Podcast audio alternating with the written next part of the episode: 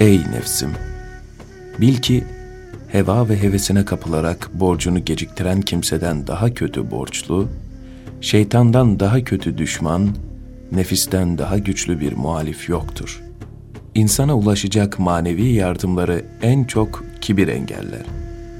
Çünkü yağmur sularının dağ başlarında değil, alçak vadilerde biriktiği görülür.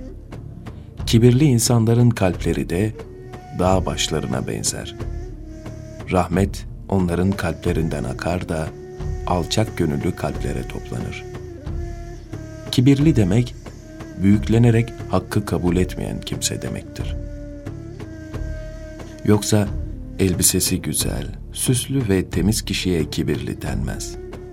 Kibir, hakkı kabul etmemenin yanı sıra halkı da küçümsemektir. Ve onun yalnızca zalim sultanlarda ya da dünya perest insanlarda bulunduğunu sanma. Akşam yemeği olmayan bir fakirde bile kibir olabilir. Kibir, mahlukata karşı büyüklük taslamak olduğundan dolayı insanın maneviyatını bozar. Bir esirin veya mahkumun gerçek bir felakete uğramış bir bedbaht olduğunu düşünme.